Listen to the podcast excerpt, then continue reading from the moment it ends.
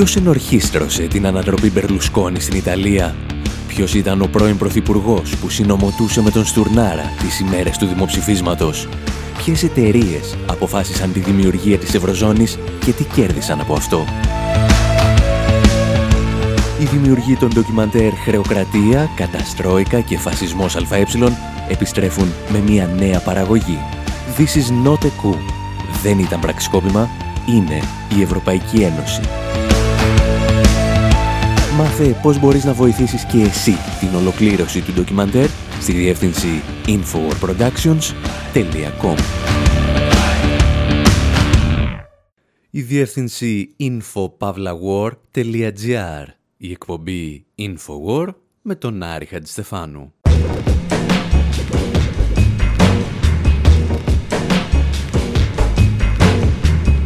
Όπου σήμερα προσπαθούμε να πληρώσουμε έναν ζητιάνο με πιστοτική κάρτα.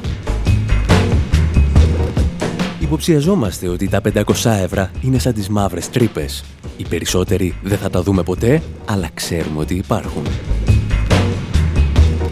Συζητάμε με έναν από τους σημαντικότερους οικονομικούς συντάκτες της Γερμανίας για τον πόλεμο που έχουν κηρύξει οι τράπεζες στα μετρητά και συνειδητοποιούμε ότι τα πράγματα δεν είναι τόσο απλά όσο θέλουν να πιστεύουμε.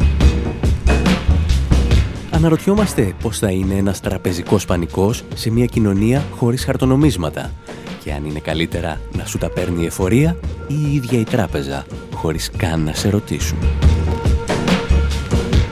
Φουσκώνουμε και σκάμε τις οικονομικές φούσκες του μέλλοντός μας και μας μένει μια πικρή αίσθηση ότι θα είναι μεγαλύτερες και πολύ πιο καταστροφικές. They used to tell me I was building a tree. And so I followed the mob. When there was earth to plow or guns to bear, I was always there, right there on the job.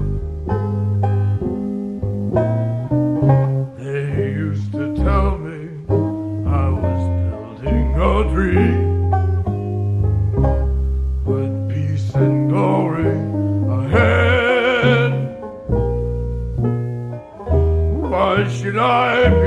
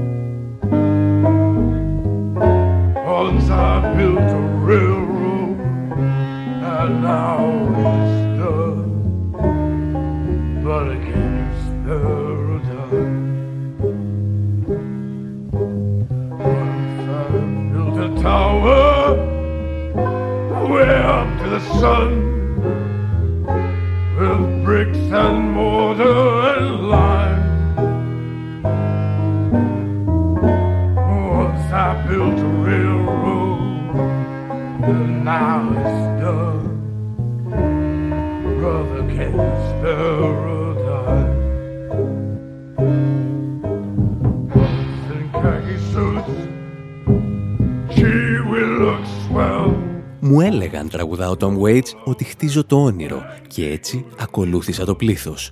Όταν υπήρχε η γη να καλλιεργήσω και όπλα για να κρατήσω, ήμουν πάντα εκεί. Μου έλεγαν ότι χτίζω ένα όνειρο, με ειρήνη και δόξα. Αλλά τώρα πρέπει να κάθομαι στην ουρά για λίγο ψωμί. Ο Tom Waits διασκευάζει ίσως το σημαντικότερο τραγούδι της αμερικανικής μεγάλης ύφεσης της δεκαετίας του 30.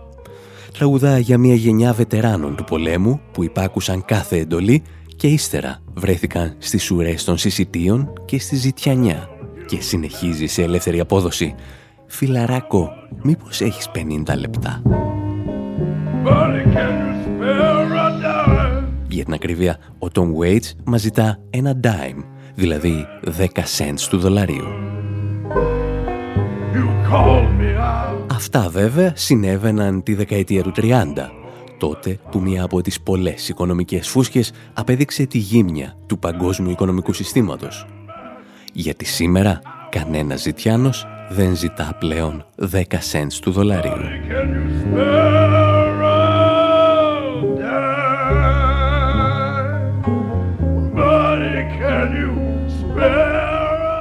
Αυτό που μας ενδιαφέρει όμως σήμερα είναι αν σε λίγα χρόνια θα έχουμε οποιοδήποτε νόμισμα ή χαρτονόμισμα να δώσουμε σε ένα ζητιάνο.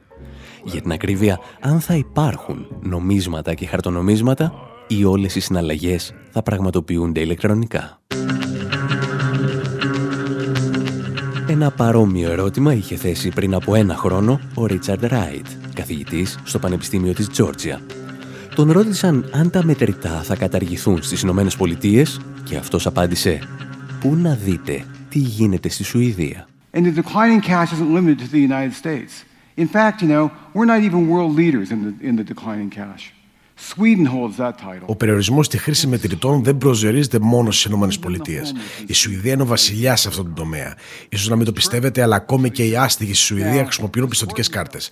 Αρκετοί άστεγοι εκδίδουν ένα περιοδικό που λέγεται Situation και χρησιμοποιούν ασύρματες συσκευές για την αποδοχή πιστοτικών καρτών.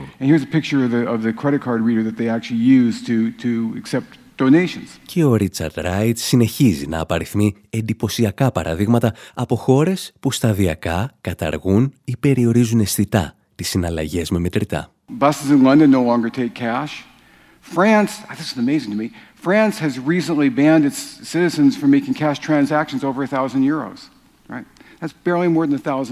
Στη Βρετανία, τελεοφορία σταμάτησε να δέχονται μετρητά, ενώ στη Γαλλία απαγορεύεται στους πολίτες να πραγματοποιούν επιχειρηματικές συναλλαγές με μετρητά άνω των χιλίων ευρώ. Ακόμα και στη Σομαλία παρατηρείται μεγάλη αύξηση στη χρήση ηλεκτρονικού χρήματος. Καθώς το νόμισμα έχει υποτιμηθεί τόσο πολύ, χρειάζεται τεράστιος όγκος κατανομισμάτων για να αγοράσει οτιδήποτε. Αρκετοί πλανόδιοι πολιτές λοιπόν χρησιμοποιούν κινητά τηλέφωνα για να πραγματοποιούν αυτόματε συναλλαγές. Στη Σομαλία, κάθε πολίτης πραγματοποιεί κατά μέσο όρο 34 συναλλαγές το μήνα, δηλαδή περισσότερες από μία τη μέρα. Αυτό είναι ένα από τα υψηλότερα επίπεδα σε όλο τον κόσμο. Now that's more than one a day and it's actually one of the highest rates in the world.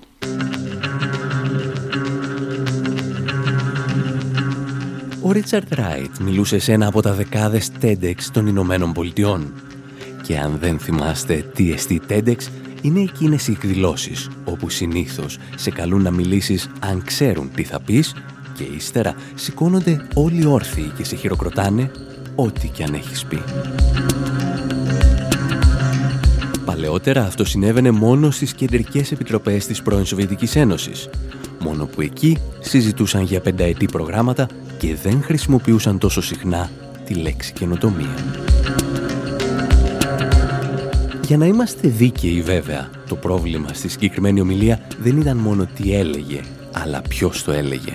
Ο Ράιτ είναι ένας εξαιρετικός εγκληματολόγος, αλλά όχι οικονομολόγος. Και το συμπέρασμα στο οποίο κατέληξε είναι ότι αν καταργήσουμε, λέει τα μετρητά, θα πετύχουμε σαρωτικό χτύπημα στο οργανωμένο έγκλημα, το οποίο δεν θα μπορεί να πραγματοποιεί ηλεκτρονικές συναλλαγές. Το οποίο δεν είναι μεγάλο ψέμα, αλλά δεν βρίσκεται και τόσο κοντά στην αλήθεια. Ήδη το οργανωμένο έγκλημα χρησιμοποιεί ηλεκτρονικά νομίσματα για συναλλαγές όπως το bitcoin. Το σημαντικότερο όμως είναι ότι οι μεγαλύτερες τράπεζες του πλανήτη συμμετέχουν στη μεταφορά μαύρου χρήματος. Η Elizabeth Warren, γερουσιαστής στη Μασαγουσέτη, μας θύμιζε παλαιότερα ότι αν ήθελες να ξεπλύνεις τα ναρκοδολάρια που έβγαλες πουλώντας την κοκαίνη σου, δεν υπήρχε καλύτερη τράπεζα από την HSBC. HSBC admitted to money laundering, uh, to laundering το Δεκέμβριο η HSBC παραδέχτηκε ότι ξέπλυνε 881 εκατομμύρια δολάρια από καρτέλ ναρκωτικών της Κολομβίας και του Μεξικού. Αυτό είναι απλώς το ποσό για το οποίο έχουμε στοιχεία. Και δεν το έκαναν μόνο μία φορά. Δεν ήταν ένα περιστασιακό λάθος. Το έκαναν ξανά και ξανά και ξανά. Τους έπιασαν να το κάνουν. Τους προειδοποίησαν να μην το ξανακάνουν και αυτοί συνέχισαν να το κάνουν, αποκομίζοντας τεράστια κέρδη and evidently making profits doing it. Εάν λοιπόν έχεις ένα καρτέλ κοκαίνης στην Κολομβία, δεν χρειάζεσαι μετρητά. Αυτά είναι για να γυρίζουμε τηλεσυρές με τον Πάμπλο Εσκομπάρ. Το μόνο που χρειάζεσαι είναι μια φιλική προς τους εμπόρους τράπεζα για να πραγματοποιείς ηλεκτρονικές συναλλαγές. Και όμως, αυτό το επιχείρημα, ότι δηλαδή τα μετρητά πρέπει να καταργηθούν για να αντιμετωπιστεί το οργανωμένο έγκλημα, θα αρχίσετε να το ακούτε όλο και συχνότερα τους επόμενους μήνες. Γιατί κάποιοι έχουν αποφασίσει ότι η ύπαρξη χαρτονομισμάτων τους ενοχλεί. Και το ποιοι είναι αυτοί θα το συζητήσουμε σε λίγο με έναν από τους σημαντικότερους οικονομικούς αναλυτές της Γερμανίας. Προς το παρόν, το λόγο έχουν οι Ebn Osn, το τελευταίο συγκρότημα που θέλεις να παρουσιάσεις, αν έχει κλείσει η μύτη σου. I want cash!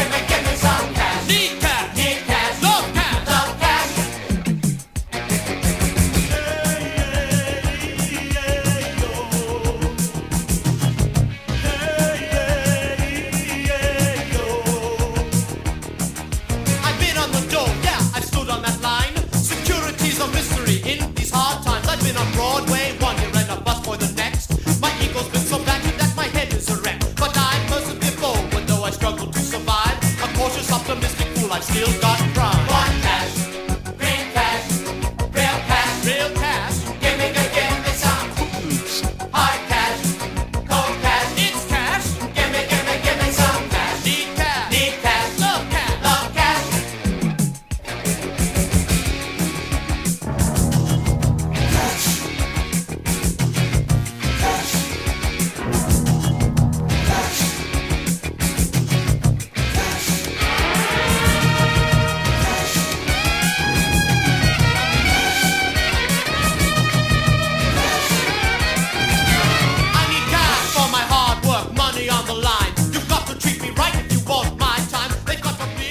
Εκπομπή Infowar με τον Άρη Χατζηστεφάνου ακούμε τους Σέμπν Όζν να μας μεταφέρουν την ανάγκη τους για μετρητά.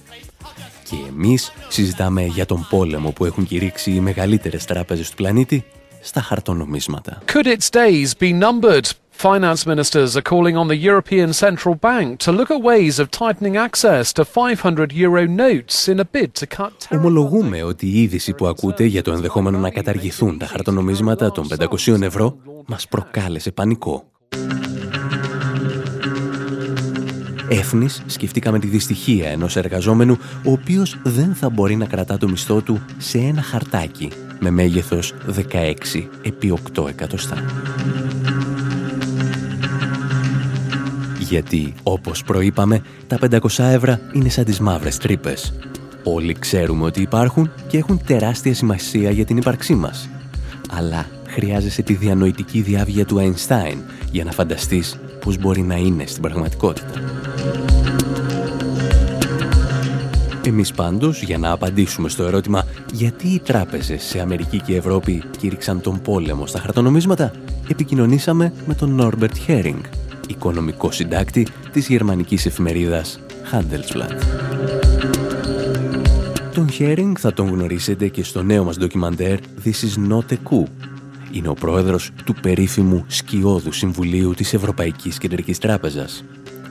Πρόκειται, αν θυμάστε, για ένα συμβούλιο κορυφαίων οικονομολόγων, οι οποίοι συναντιούνται με πρωτοβουλία της Wall Street Journal και της Handelsblatt και προτείνουν ποια πολιτική θα πρέπει να ακολουθήσει ο κεντρικός τραπεζίτης της Ευρωζώνης.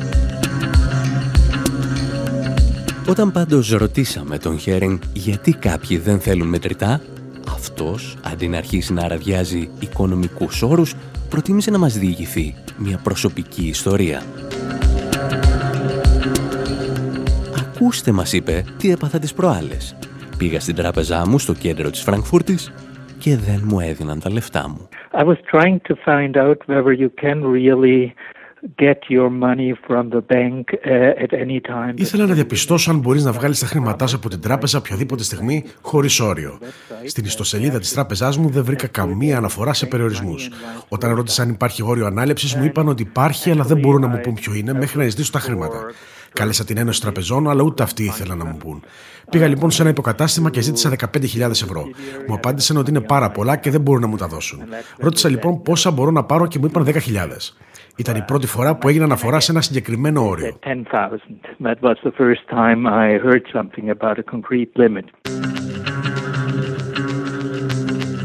Αυτό που ξεκίνησε σαν μια πρόχειρη δημοσιογραφική έρευνα για τον Χέρινγκ μετατρέπεται σταδιακά σε καυκική φαρσοκομωδία. So I started talking about uh, what shall I do? I want to buy a car.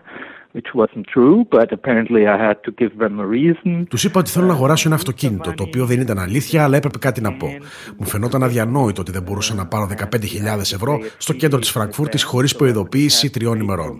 Τους είπα λοιπόν ότι δεν θα φύγω από την τράπεζα αν δεν πάρω τα χρήματα και μου υποσχέθηκαν να τηλεφωνήσουν στα κεντρικά.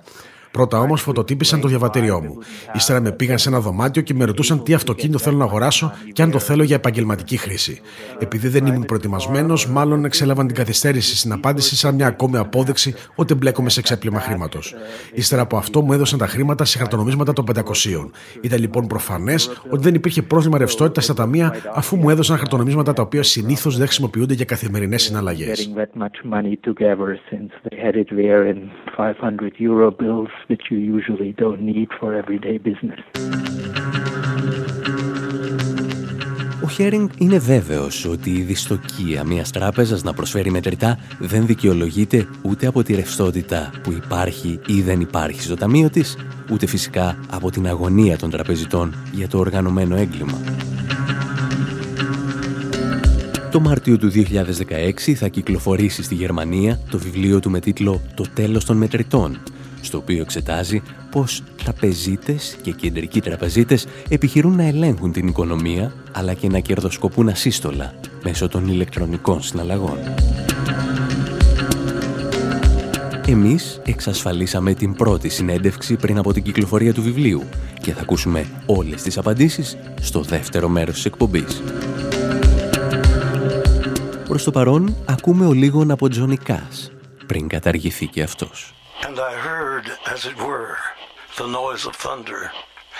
One of the four beasts saying, Come and see. And I saw, and behold, a white horse.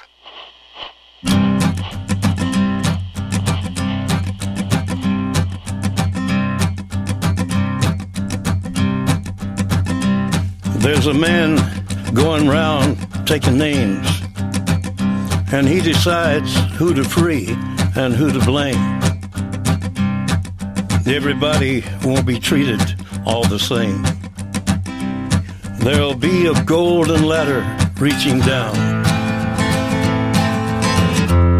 when the man comes around. The hairs on your arm will stand up at the terror in each sip and each sup. Will you partake of that last offered cup or disappear into the potter's ground when the man comes around? Hear the trumpets, hear the pipers, 100 million angels singing Multitudes are marching to the big kettle drum. Voices calling, voices crying.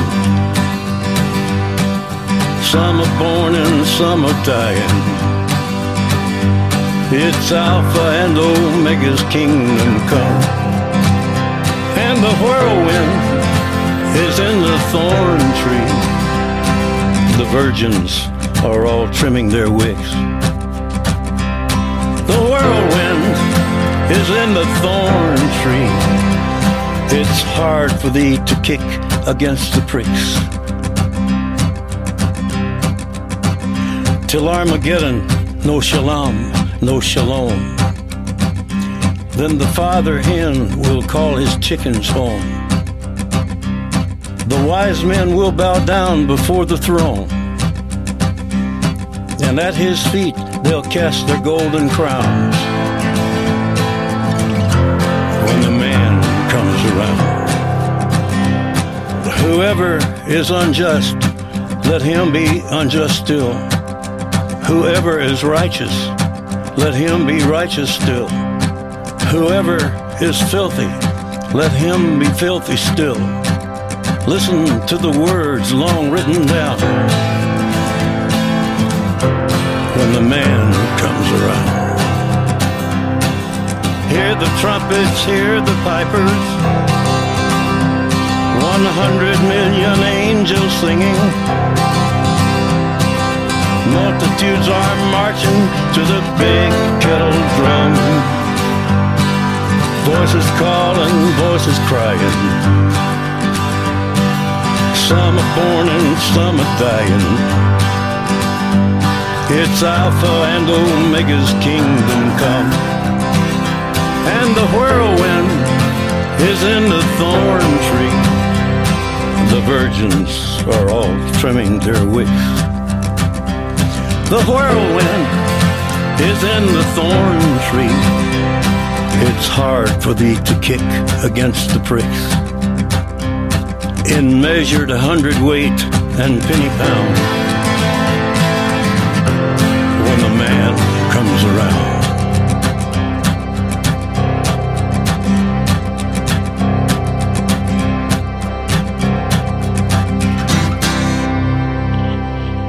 And I heard a voice in the midst of the four beasts.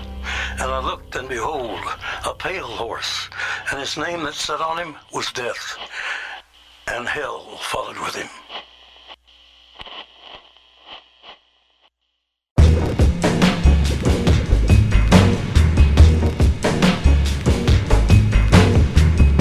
Εκπομπή Infowar, μέρος δεύτερο όπου συνεχίζουμε τη συζήτησή μας με τον οικονομικό αναλυτή Norbert Herring Αφορμή το βιβλίο του που θα κυκλοφορήσει στις αρχές Μαρτίου στη Γερμανία με τίτλο «Το τέλος των μετρητών». Πρώτα όμως το ρεπορτάζ από τους Gang of Four, τη συμμορία των τεσσάρων.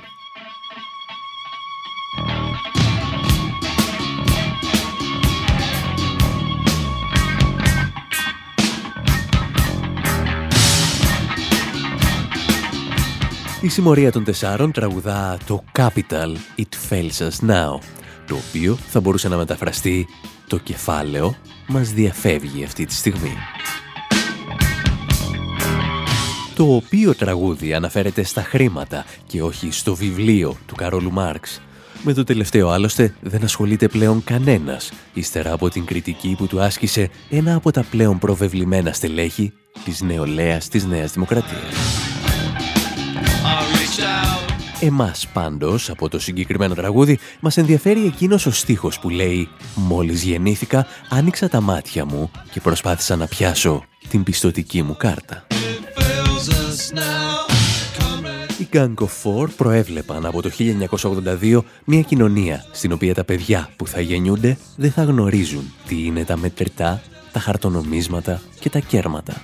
Το ενδεχόμενο αυτό φαντάζει όλο και πιο πιθανό τους τελευταίους μήνες, καθώς τραπεζίτες και μέσα ενημέρωσης που συχνά χρηματοδοτούνται από τους ίδιους τραπεζίτες προσπαθούν να μας πείσουν ότι εγκαταλείποντας τα μετρητά θα χτυπήσουμε τη διαφθορά και το οργανωμένο έγκλημα. Εμείς πάλι ρωτήσαμε τον Νόρμπερτ Χέρινγκ να μας εξηγήσει ποιοι είναι οι πραγματικοί λόγοι πίσω από τον πόλεμο που έχει ξεσπάσει εναντίον των μετρητών. The banks want to get rid of cash for mainly two reasons. One is that Υπάρχουν δύο λόγοι για τους οποίους οι τράπεζες θέλουν να ξεφορτωθούν τα μετρητά. Καταρχήν, γιατί δεν μπορούν να τυπώσουν οι ίδιες μετρητά, τα οποία λειτουργούν ανταγωνιστικά στο δικό τους χρήμα που είναι ψηφιακό. Από το δικό τους χρήμα αποκομίζουν κέρδος, κάτι το οποίο δεν συμβαίνει με τα μετρητά που τυπώνονται από την κεντρική τράπεζα. Το σημαντικότερο όμως είναι ότι τα μετρητά τους δημιουργούν πιθανό πρόβλημα ρευστότητας. Αν όλοι οι καταθέτες τραβήξουν τα μετρητά, οι τράπεζες δεν έχουν αρκετά για να τα αποκριθούν. Uh, and banks never have as much money as they would need for that. Ο Χέρινγκ αναφέρεται στο λεγόμενο τραπεζικό πανικό, για τον οποίο θα πούμε μια-δυο κουβέντες αμέσως μετά. Γιατί ο συνομιλητής μας σε αυτό το σημείο εισέρχεται σε ένα από τα κρισιμότερα ζητήματα σε ό,τι αφορά την απόσυρση των μετρητών. All the bail-in rules that we have now, which means that creditors με τους νέους κανόνες για τον bail-in, καθορίζεται ότι οι δανειστές θα υποστούν απώλειες πριν χρησιμοποιηθούν τα χρήματα του κράτους για τη διάσωση. Όταν όμως έχεις τα χρήματά σου στην τράπεζα, εσύ είσαι ο δανειστής. Με βάση λοιπόν αυτούς τους κανόνες, μπορούν να υποτιμήσουν τις καταθέσεις μας. Αυτό όμως δεν μπορούν να το κάνουν αν κάνουμε ανάληψη σε μετρητά όταν διασανθούμε τον κίνδυνο που έρχεται. Γι' αυτό λοιπόν, ειδικά σήμερα, θέλουν να ξεφορτωθούν τα μετρητά.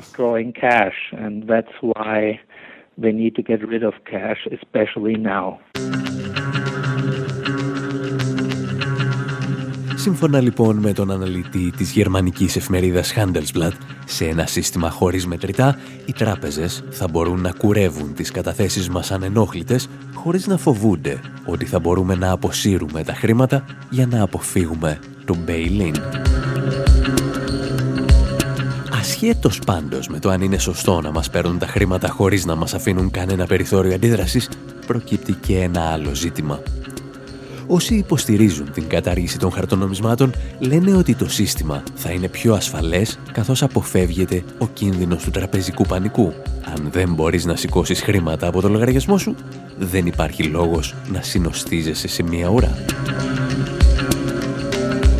Πριν εξετάσουμε όμως αυτό το επιχείρημα, θα θυμίσουμε το μηχανισμό δημιουργίας του τραπεζικού πανικού από μια παλαιότερη εκπομπή.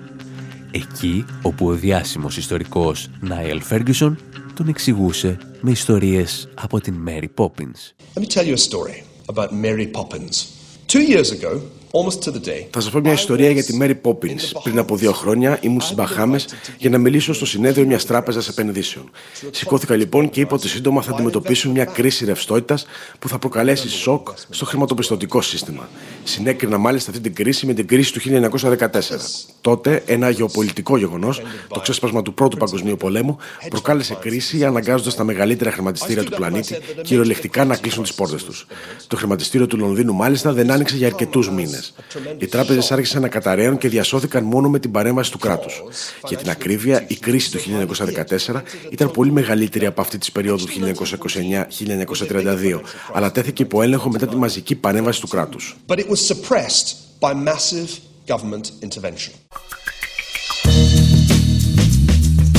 Ο Φέργκισον λοιπόν, λίγους μήνες πριν από την παρολίγων κατάρρευση του παγκόσμιου χρηματοπιστωτικού συστήματος, προειδοποιούσε την αφρόκρεμα των κερδοσκόπων για το τι θα ακολουθήσει. Το πρόβλημα είναι ότι όχι μόνο δεν ήθελαν να τον ακούσουν, αλλά δεν ήθελαν και να τον ξαναδούν στα μάτια τους. Well, I'm not sure that I got a very receptive audience that day. Uh, there was a kind of δεν νομίζω ότι το κοινό ήταν και τόσο δεκτικό εκείνη την ημέρα. Όλοι με κοιτούσαν περίεργα καθώς παρίστανα την Κασάνδρα. Και τότε κάποιος είπε ότι την επόμενη χρονιά, αντί να καλέσουν έναν ακόμη περίεργο ακαδημαϊκό, θα έπρεπε να προβάλλουν την ταινία Mary Poppins. Πληγώθηκα, γιατί έχω κι εγώ αισθήματα. Για να ηρεμήσω, είπα να πάω για τρέξιμο. Αλλά καθώς ανέβαινε ένα λόφο, μου ήρθε μια ιδέα. Mary Poppins. Mary Poppins.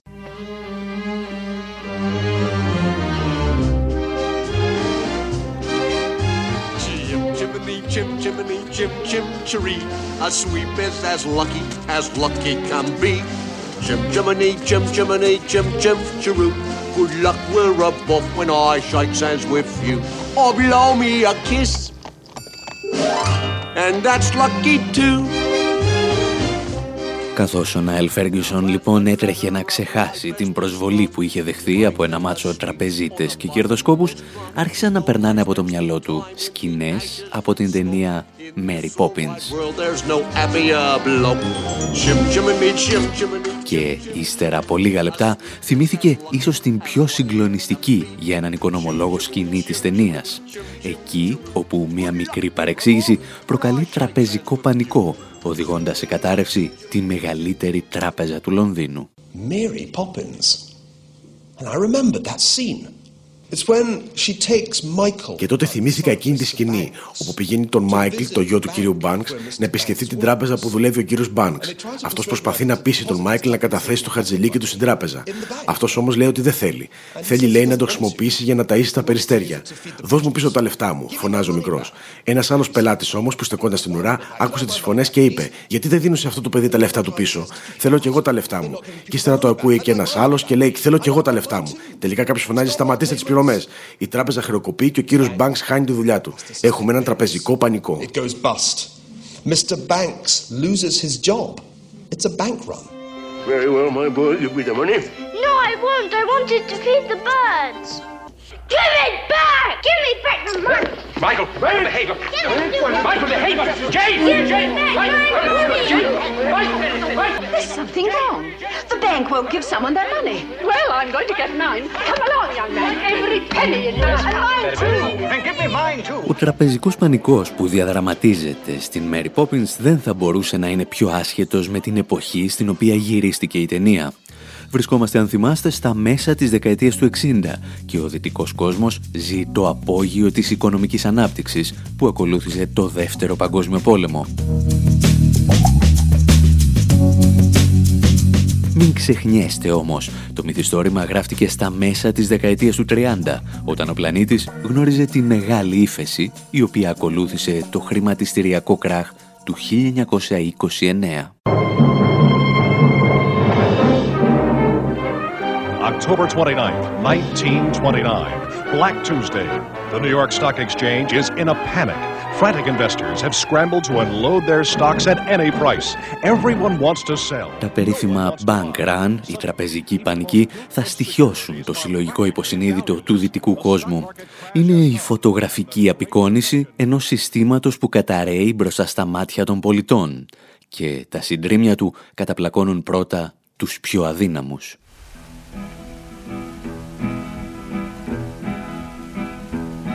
I was standing down in New York town one day. Standing down in New York town one day. I was standing down in New York town one day. Singing, hey, hey, hey, hey. I was broke, I didn't have a dime. I was broke, I didn't have a dime. Yes, sir, I was broke, I didn't have a dime. Singing, hey, Ο τραπεζικός πανικός είναι μια έννοια παλιά όσο και το τραπεζικό σύστημα. Αν θα έπρεπε να απλοποιήσουμε έως απλουστεύσεως τον μηχανισμό που τον προκαλεί, θα λέγαμε ότι όλα ξεκινούν από το γεγονός ότι οι τράπεζες δεν διατηρούν στα χρηματοκιβώτια τους όλα τα χρήματα που τους δίνουν οι καταθέτες τους.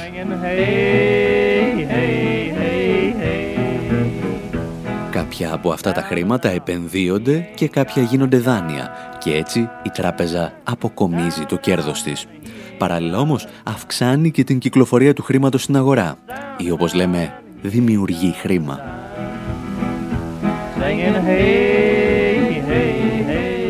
Με βάση τον νόμο των μεγάλων αριθμών, ένας καλός τραπεζίτης γνωρίζει ότι οι καταθέτες, υπό φυσιολογικές συνθήκες, δεν πρόκειται να έρθουν όλοι μαζί για να ζητήσουν τα χρήματά τους. Το ερώτημα είναι τι συμβαίνει αν για κάποιο λόγο αποφασίσουν όλοι μαζί να αποσύρουν τελικά τις καταθέσεις τους; Απαντήσεις ύστερα από ένα μικρό διάλειμμα.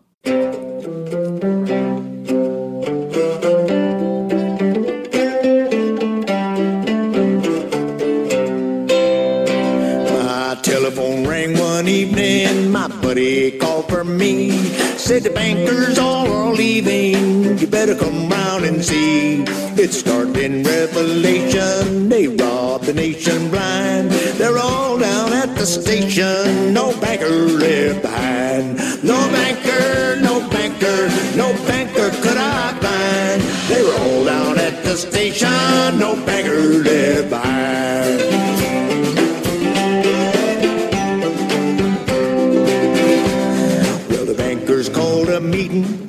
White House they went one day.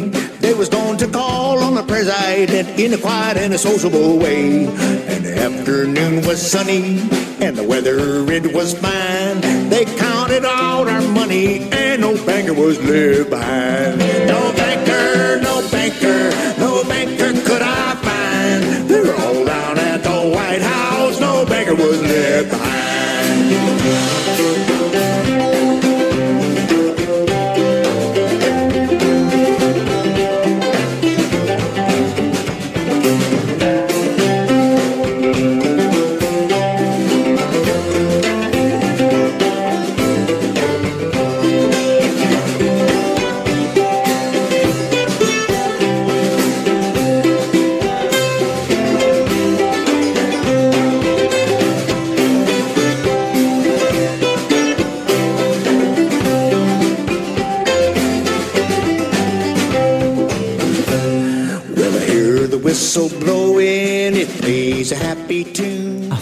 συζητούσαμε λοιπόν, αν θυμάστε, στο Infowar πολύ πριν η Ελλάδα ή η Κύπρος μάθουν τι θα πει τραπεζικός πανικός.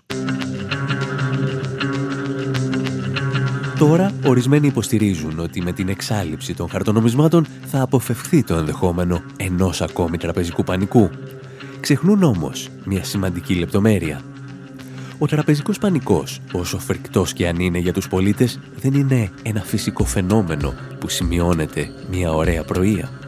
Είναι η έκφανση της αστάθειας και εν τέλει της αποτυχίας ενός ολόκληρου οικονομικού συστήματος. Και αυτή η αστάθεια, μας εξηγεί ο Νόρμπερτ Χέρινγκ, θα αυξηθεί με την κατάργηση των μετρητών. If banks uh, blow up uh, a credit bubble, if they issue οι τράπεζες μπορούν να δημιουργήσουν φούσκες παρέχοντας δάνεια τα οποία συμπαρασύρουν την οικονομία. Πρόκειται για ένα φαινόμενο που είδαμε στην Ελλάδα, την Ισπανία και κυρίως στις ΗΠΑ στα χρόνια των δανείων υψηλού κινδύνου. Η κατάσταση αυτή τερματίζεται όταν οι άνθρωποι χάνουν την πίστη τους στην αξιοπιστία της τράπεζας και ζητούν τα χρήματά τους.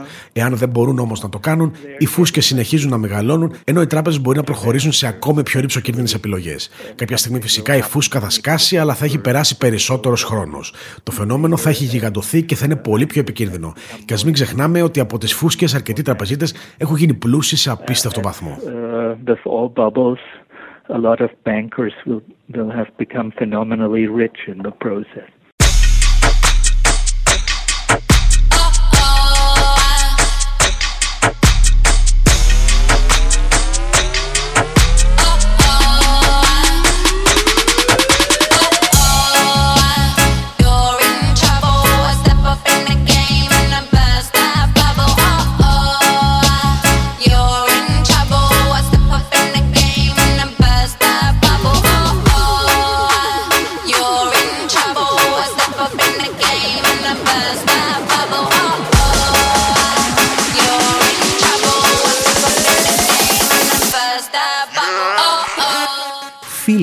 Μας εξηγεί η μία, έχεις πρόβλημα γιατί μπαίνω στο παιχνίδι σου και σπάω τη φούσκα που έχεις δημιουργήσει.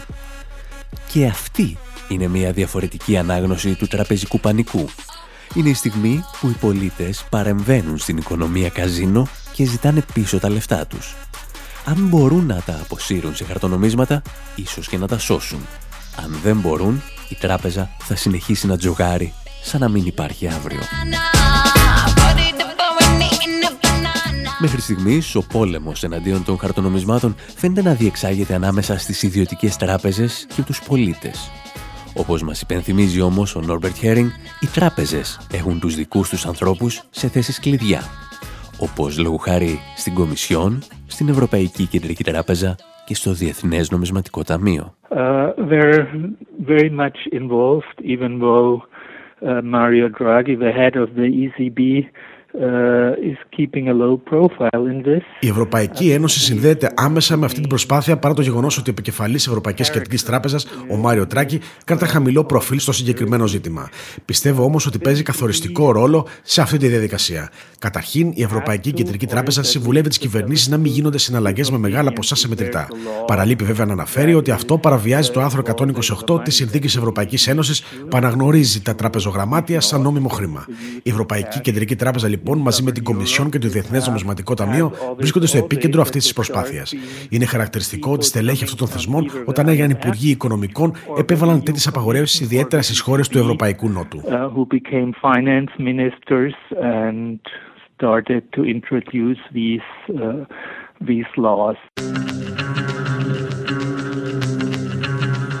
Με σκέψεις σαν και αυτές από τον Νόρμπερτ Χέρινγκ και το νέο του βιβλίο που θα κυκλοφορήσει σε λίγες ημέρες στη Γερμανία, λέμε να σας αφήσουμε. Μην ξεχνάτε ότι όλο το τελευταίο διάστημα ταξιδεύουμε στην Ευρώπη και συζητάμε με ανθρώπους σαν τον Χέρινγκ για να καταλάβουμε τι ακριβώς παίζεται στην Ευρωπαϊκή Ένωση. Και αν θέλετε να μας βοηθήσετε να ολοκληρώσουμε αυτό το ταξίδι, μπορείτε να γίνετε συμπαραγωγή μας στο ντοκιμαντέρ This is not a coup. Θα το βρείτε στη διεύθυνση thisisnotacoup.com Αυτό δεν είναι πραξικόπημα, είναι η Ευρωπαϊκή Ένωση. Μέχρι την επόμενη εβδομάδα πάντως, από τον Άρη Χατζηστεφάνου στο μικρόφωνο και τον Δημήτρη Σαδόπουλο στην τεχνική επιμέλεια, γεια σας και χαρά σας.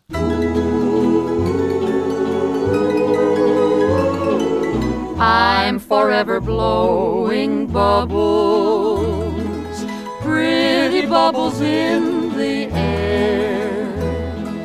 They fly so high, nearly reach the sky. Then, like my dreams, they fade and die. Fortune's always hiding. I've looked everywhere. I'm forever blowing bubbles, pretty bubbles in the air. I'm forever blowing bubbles, pretty bubbles in the air. They fly so high, nearly reach the sky. Then, like my dreams, they fade and die.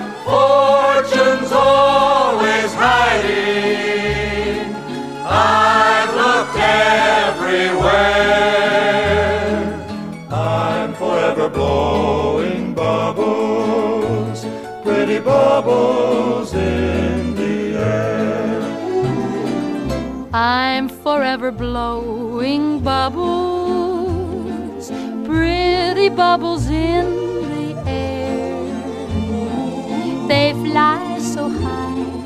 nearly reach the sky. Then, like my dreams, they fade and die. Fortune's always hiding. I've looked everywhere. I'm forever blowing bubbles, pretty bubbles in